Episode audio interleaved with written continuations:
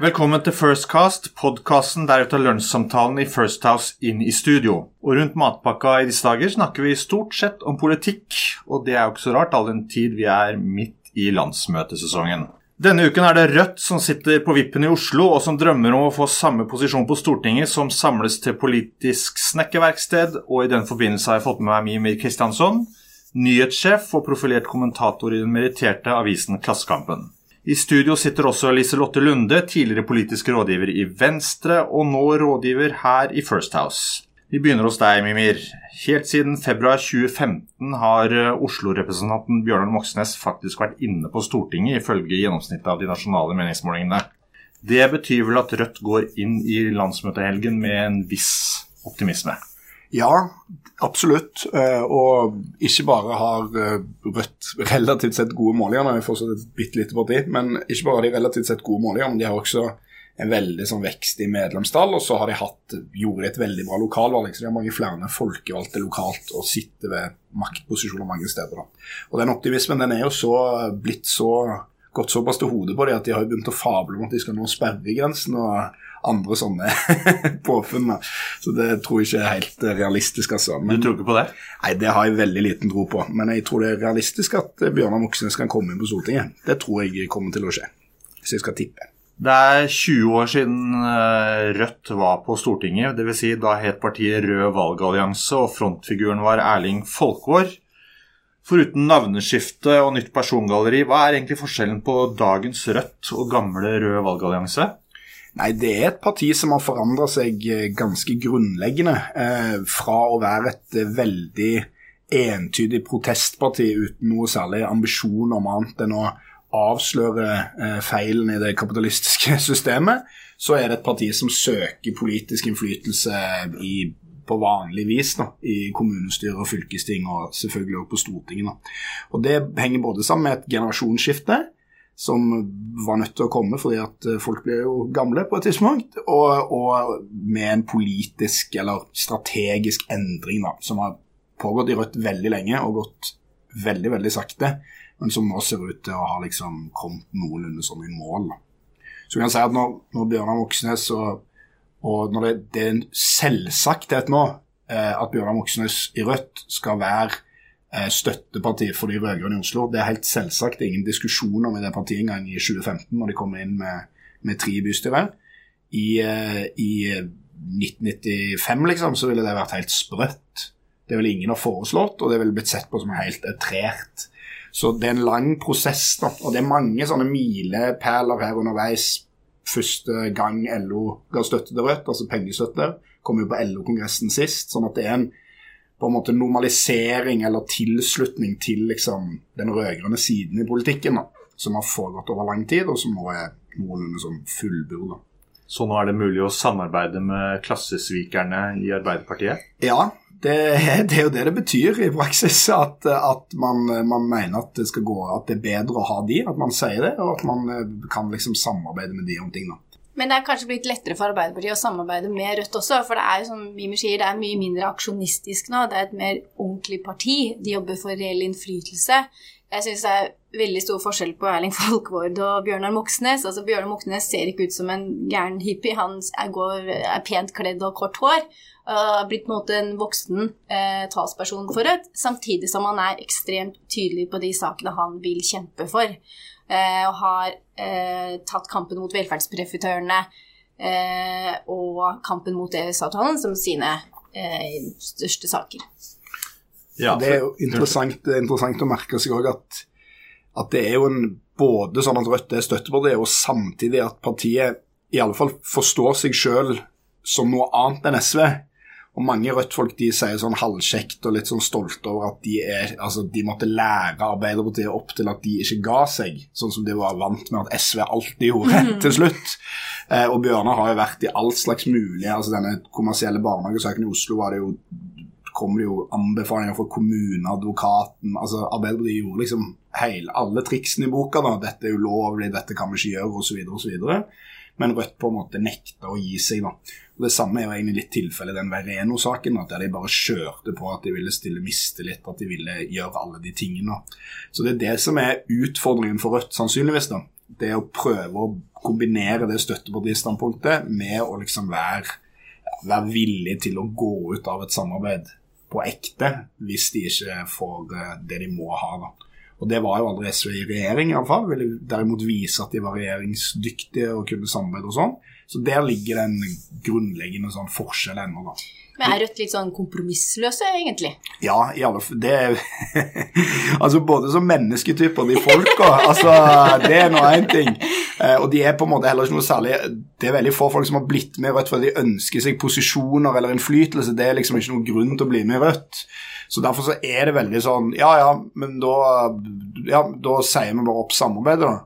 Ja, da gjør vi bare det. Da er det liksom ingen, det er ingen i Rødt som liksom tenker veldig alvorlig over og f.eks. hvis det skulle komme til et sånt punkt i Oslo, at det skulle bygges nye kommersielle baner, eller et eller annet, så ville de bare forlatt det, det samarbeidet. Altså det, ja, da har jo ikke byrådet flertall. Nei, og da må de finne flertall med Venstre eller med et eller annet annet på en eller annen måte. Så altså, jeg tror nok at uh, enn så lenge, da, det er jo et parti som er i forandring, og sånn, da, men enn så lenge så er de truslene på en måte mer reelle enn de var i SVs tilfelle som rød-grønt støtteparti. Mm, mm. Vi skal komme litt tilbake til sakene, men er det plass til både SV og Rødt til venstre for Arbeiderpartiet? Ja, det, er jo, eh, det, har jeg, eh, det har jeg tenkt på i 15 år. det er jo vanskelig å svare på. Altså, det er åpenbart ikke så veldig rent sånn faktisk ikke så veldig stort plass for Rødt. For det partiet har ja, Nå går det veldig bra med det, da, så nå har de 2,4% liksom. Så det på en måte sier litt om plassen. Da. Men det er klart at SV og Rødt er grunnleggende forskjellige partier på mange måter. Det ene er som det vi snakker om, det er kompromissløst og sånn. Men det andre er at SV er et Prøv å si dette på en måte som ikke høres frekt ut overfor SV, for det er ikke det som er meningen, men SV er et ganske mykt parti som er opptatt av gode verdier, av å være snille. De er opptatt av miljø, av eh, antirasisme. De har stor overvekt av kvinnelige velgere, f.eks. Rødt er et mye mer sånn hardt parti. og på en måte, selv om det er et mye mindre parti, så det er mye mer seriøse utfordrere til Arbeiderpartiet. Mm. Fordi at de er et parti som ønsker å være liksom et fagbevegelsesparti, som er mye mer seriøs i satsingen på arbeidsliv, på industri, på tunge sånne tradisjonelle Ap-saker. Kan det tenke seg at Rødt på en måte tar den posisjonen som SV hadde? Ikke i form av, av, av samme type saker og sånn, mm. men i, i, oppslutning og synlighet? Mm. Ja, men jeg tror altså Det er jo mye som det er mer som er likt mellom SV og Rødt enn som er forskjellig. altså, Men det jeg tror er grunnleggende annerledes, er at når SV gjorde det veldig veldig bra, så fløyt Kristin Halvorsen på en sånn bølge av en blanding av sånn veldig kulhet. At det var veldig kult å være med SV tidlig på 2000-tallet. Det virker jo veldig lenge siden. Og, og, i tillegg at det var veldig mye kvinner i offentlig sektor. Småbarnsfamilier, alle som var veldig opptatt av barnehage. Det traff litt i tiden, akkurat sånn som Senterpartiet gjør eh, ja, nå, egentlig. Absolutt. Og Rødt, tror jeg, hvis Rødt skulle få en sånn suksess, eller liksom svinge seg opp mot sperregrensen over, så tror jeg det vil se ganske annerledes ut. Og jeg tror det er andre typer folk som vil da tiltrekkes til Rødt. da. Eh, og det tror jeg er pga. måten partiet profilerer seg på er. da.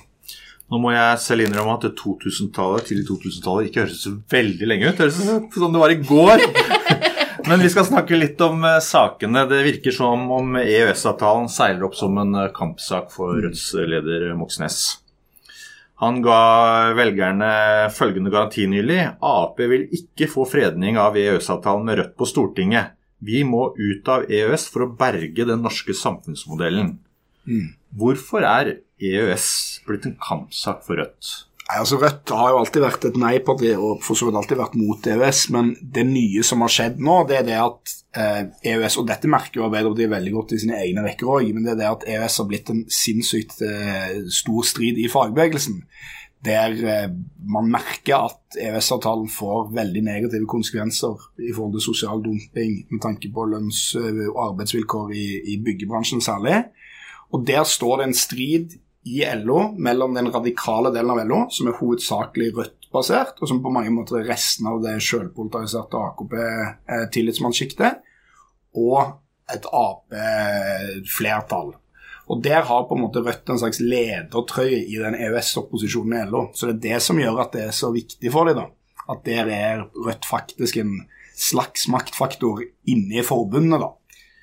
Fellesforbundet og LO på LO-kongressen. Men nå seiler jo også EØS-saken opp fordi at uh, vi har brexit. Og det er mange som mener at det kan åpne opp for en tredje vei inn i EU-samarbeidet, eller mellom land som står utenfor og EU. Uh, så det, det, og det vil jo bare uh, realisere seg det, det, året som kommer, og da må vi jo se hvordan Norge skal utnytte det. Mm. Så både ytre høyre og ytre venstre ser på brexit som en mulighet for å få et annet forhold til Europa? Ja, og Senterpartiet òg, i aller høyeste grad. Så EØS-saken er jo mye mer i vinden enn den var. Ja. Det har jo vært helt uh, tyst om den uh, i mange år, men nå er det jo Senterpartiet gikk jo mye lenger enn de har gjort før i motstand mot arbeidsinnvandring og sånne ting på sitt landsmøte. Ja, Arbeiderpartiet vil jo ikke ta stilling til eh, EU-saken lenger. I hvert fall ikke sånn på papiret. Ja, og det kommer vedtak på vedtak i lokale LO-foreninger sånn at de vil ut av EØS. og sånn, så De sliter skikkelig med å holde, holde kontrollen i fagbevegelsen. Altså. Men meningsmotstanderne vil kanskje hevde at EØS er viktig for eh, internasjonal solidaritet. Ja. Er, det, er, internasjonal solidaritet et nedprioritert uh, område i Rødt? Nei, men uh, det tror jeg ikke du kan si. Men jeg tror at uh, de forstår det på en helt annen måte. De forstår ikke det som internasjonal solidaritet. At det skal komme polske, latviske, litauiske arbeidere og jobbe for skittlønner for å si det sånn, på norske byggeplasser de, eksempel, de, de, sakene som liksom er internasjonale solidaritetssaker i Rødt, det er type sånn eh, motstand mot krigen i Afghanistan, eh, støtte til Palestina, masse flyktninger. De skal sikkert ha en million flyktninger, jeg har ikke sjekka, altså, men det er typisk Rødt. 100 000 millioner flyktninger, liksom. Et eller annet sånt. Mens det der ser de på som liksom kapitalens forsøk på å få fri arbeidsinnvandring og på å skape dumpa lønnsvilkår i Norge. Da. Så den linja har jo vært i fagbevegelsen og i arbeiderbevegelsen i Norge i 150 år. Helt fra man var mot at folk skulle komme fra Nord-Norge og jobbe her, liksom. Så ja. Men før så var det kanskje litt sånn var jo kampen mot tjenestedirektivet og datalagringsdirektivet, mm. mens nå har det jo blitt mer sånn kampen mot EØS. Ja. Så det har, jeg vil si det har egentlig eskalert den motstanden. Det har det. Men én reell ting altså, som man ikke må undervurdere, at det er jo erfaringsbasert noe av dette òg. at man trodde jo at det der Det trodde nok de Arbeiderpartifolk som er for EØS òg, at det skulle gå mye greiere med, de, eh, med den arbeidsinnvandringen. At det skulle bli mye mindre problemer og sånn. Men når du får den typen sånn tilstander der hovedvernombudet i Oslo ikke tør å besøke byggeplasser fordi det er farlige kriminelle der og den typen ting, da ringer alarmen og sånn. Og her har Rødt liksom funnet en sak som de tror er veldig populær, som, de, som definitivt er veldig populær i fagbevegelsen, og der de kommer fullstendig på kant med Arbeiderpartiet. Og hvis det skal gå etter deres plan, så betyr det at de kan på en måte utfordre Arbeiderpartiet på liksom, home ground da, i fagbevegelsen i Fellesforbundet igjen. Kampen mot kapitalen eh, annen, slår seg ut på en annen måte, og det er eh, velferdsprofitørene mm. er jo blitt et buzzord for den politiske venstresida. Hvor kommer dette begrepet fra, og hvem mener Rødt disse profitørene er? Altså det, det, er jo som man sier etter å ha vært på, en, på et godt nachspiel. Jeg husker ikke hvem som kom på det først, men, men, men, det ble liksom en kjent ting når, når en dame som heter Linn Herning, som jobber for Velferdsstaten, skrev en bok som heter 'Velferdsprofitørene'.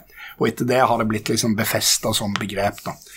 Og det skjer jo alle partiene på venstresida nå, ulike former for offensiver mot dette. Og det er kommersielle aktører som er involvert i barnevern, i barnehager, i eh, sykehjem osv. Og, så og det som har vært vanlig før, er jo at man har gått på dette med sykehjem man syns var veldig ille, og privatskoler var veldig ille, mens barnevern og barnehager har man akseptert. Mens nå er, er, er det òg snudd litt, da. Så forsøket er jo på å hindre at kommersielle aktører skal være på velferdsmarkedet. Det er jo reelt sett det.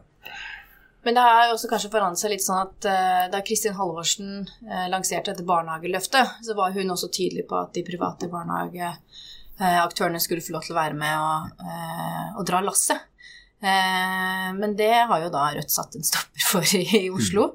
Mm. så det er jo veldig spennende å se om dersom det skulle, Rødt skulle komme på Stortinget og se hva slags krav de har tenkt å stille til en Arbeiderparti-ledet regjering. Mm. Ja, for i Oslo har de vært knallharde. Ja. ja, ja. Og de prøvd så godt de kan å hindre, og lykkes egentlig å hindre at det skal bygges nye kommersielle barnehager. Og Det var jo en veldig bitter strid Og Altså Arbeiderpartiet mente at det vedtaket var ulovlig. at Det, det gjenstår jo fortsatt å se for øvrig, da. men Rødt liksom sto fast på at det driter vi i. Og den saken får vi bare prøve for retten hvis det kommer, og vi er ikke noe redd for det. liksom. Men det er ingen plikt for kommunen vet du, å, å, å, å si at private skal, skal drive, hvis de, de kan drive de, disse barnehagene selv. Så de ja. har jo faktisk klart å komme seg ut av denne juridiske knipa, utrolig nok. Og det tror jeg faktisk heller ikke Arbeiderpartiet hadde noen trua på underveis. For det her har jo vært en hodepine for dem. Absolutt. Og det er jo en by som skriker etter barnehageplasser. Så det er egentlig helt utrolig at vi har landa der vi har landa. Ja, det er jo, eh, men det er jo en, de mener jo at de klarer, skal klare å ta det av de, da. Men altså, der, dette er et veldig typisk eksempel på hvordan Rødt er. da. Så Her har Rødt et prinsipp. De mener ikke at du skal ha kommersielle aktører i det markedet. Og da prøver de bare å pælme de ut. Det gjør de. Og så, kompromissløst. Kompromissløst, ja. Og Så jobber de med alle mulige veier og bauger og kanter for å få til det. Og om det så blir tvers gjennom lov til seier, eller hva enn det er som er opplegget, så kjører de på med det, liksom. Så det sier litt om hvordan det partiet fungerer. Et annet tema som virker å seile opp på eh, landsmøtet, er boligprisutviklingen. Nå er det jo flere partier som er bekymra for boligprisutviklingen i Oslo. Eh, men Rødts forslag er å ha borettslag med kontrollerte priser og kontrollere omsetningen. Hvor realistisk er det? Nei, Det der har vært en hodepine på venstresida veldig lenge. fordi at alle, tror jeg, på venstresida altså på, på ytre venstre ser det SV ut, tror jeg mener at boligmarkedet ikke skal være et vanlig marked. Det tror jeg er helt uh, unison enighet om. Men så er spørsmålet hvilken løsning har man på det?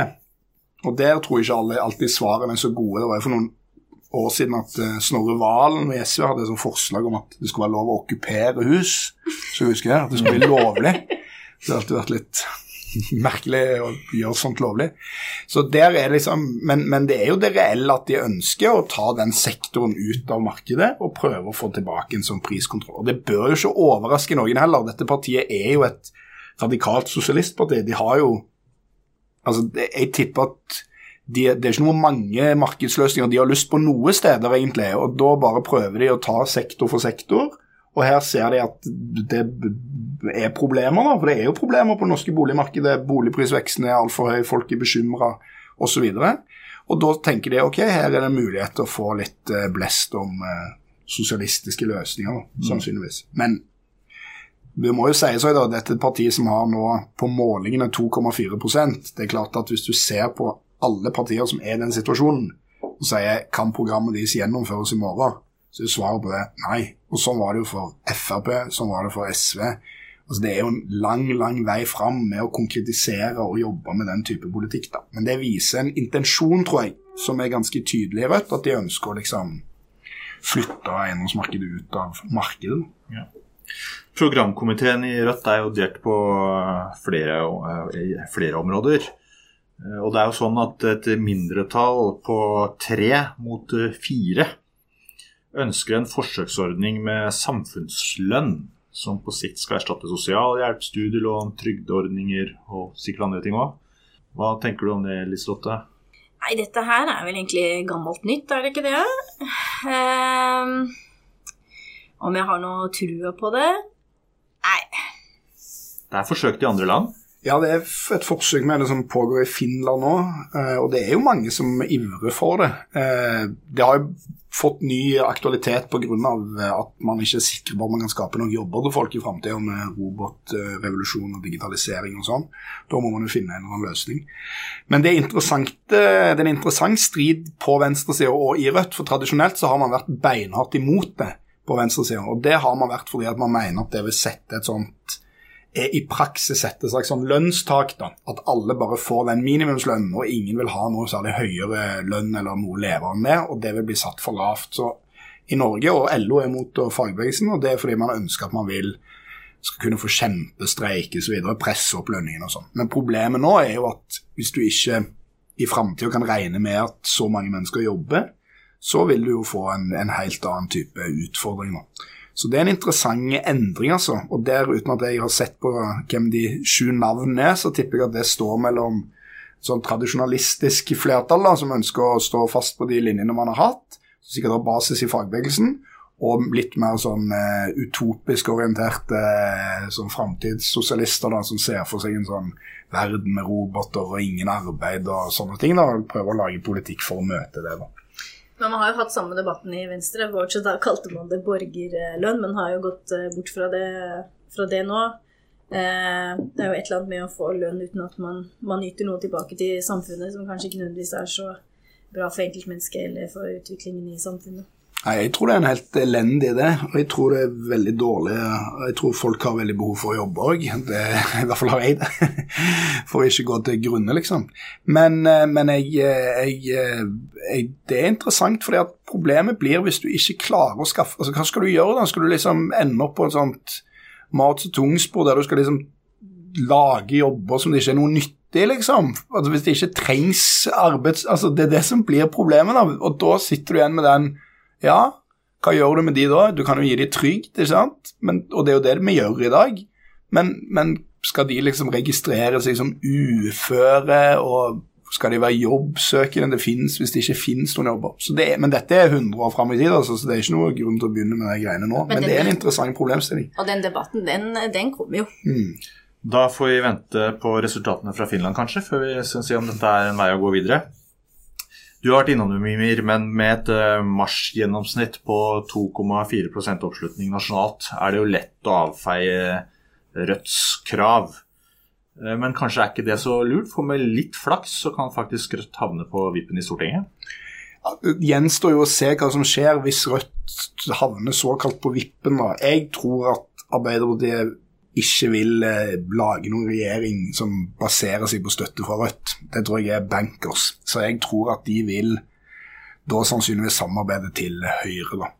Men det som eh, er ganske viktig, er jo den dynamikken det skaper. og det er jo, er jo at hvis du får inn et parti som ligger til venstre for en sånn rød-grønn blokk, så vil du ha en helt annen situasjon enn du hadde sist de rød-grønne satt i regjering, der de utelukkende ble utfordra fra en høyreopposisjon.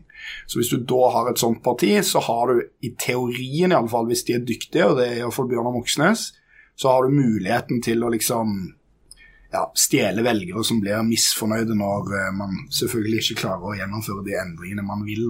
Mm. Så det, det, kan skape en interessant dynamikk i, i norsk politikk. Og jeg, jeg, tror Arbeiderpartiet og SV er livredde for det. Jeg tror ikke de har noe lyst til å ha Rødt uh, gående løs der inne på Stortinget og, og og si forskjellene har ikke gått nok ned, det er fortsatt problemer i arbeidslivet og alt det der hekkene de ja. kommer til å lage. Det kommer jo Moxnes bare til å trykke på alle de vonde knappene. Absolutt, og, og, det kommer til å være en annen situasjon enn en sist, nå, når de slapp å forholde seg til, til andre enn SV-er ute på plenen.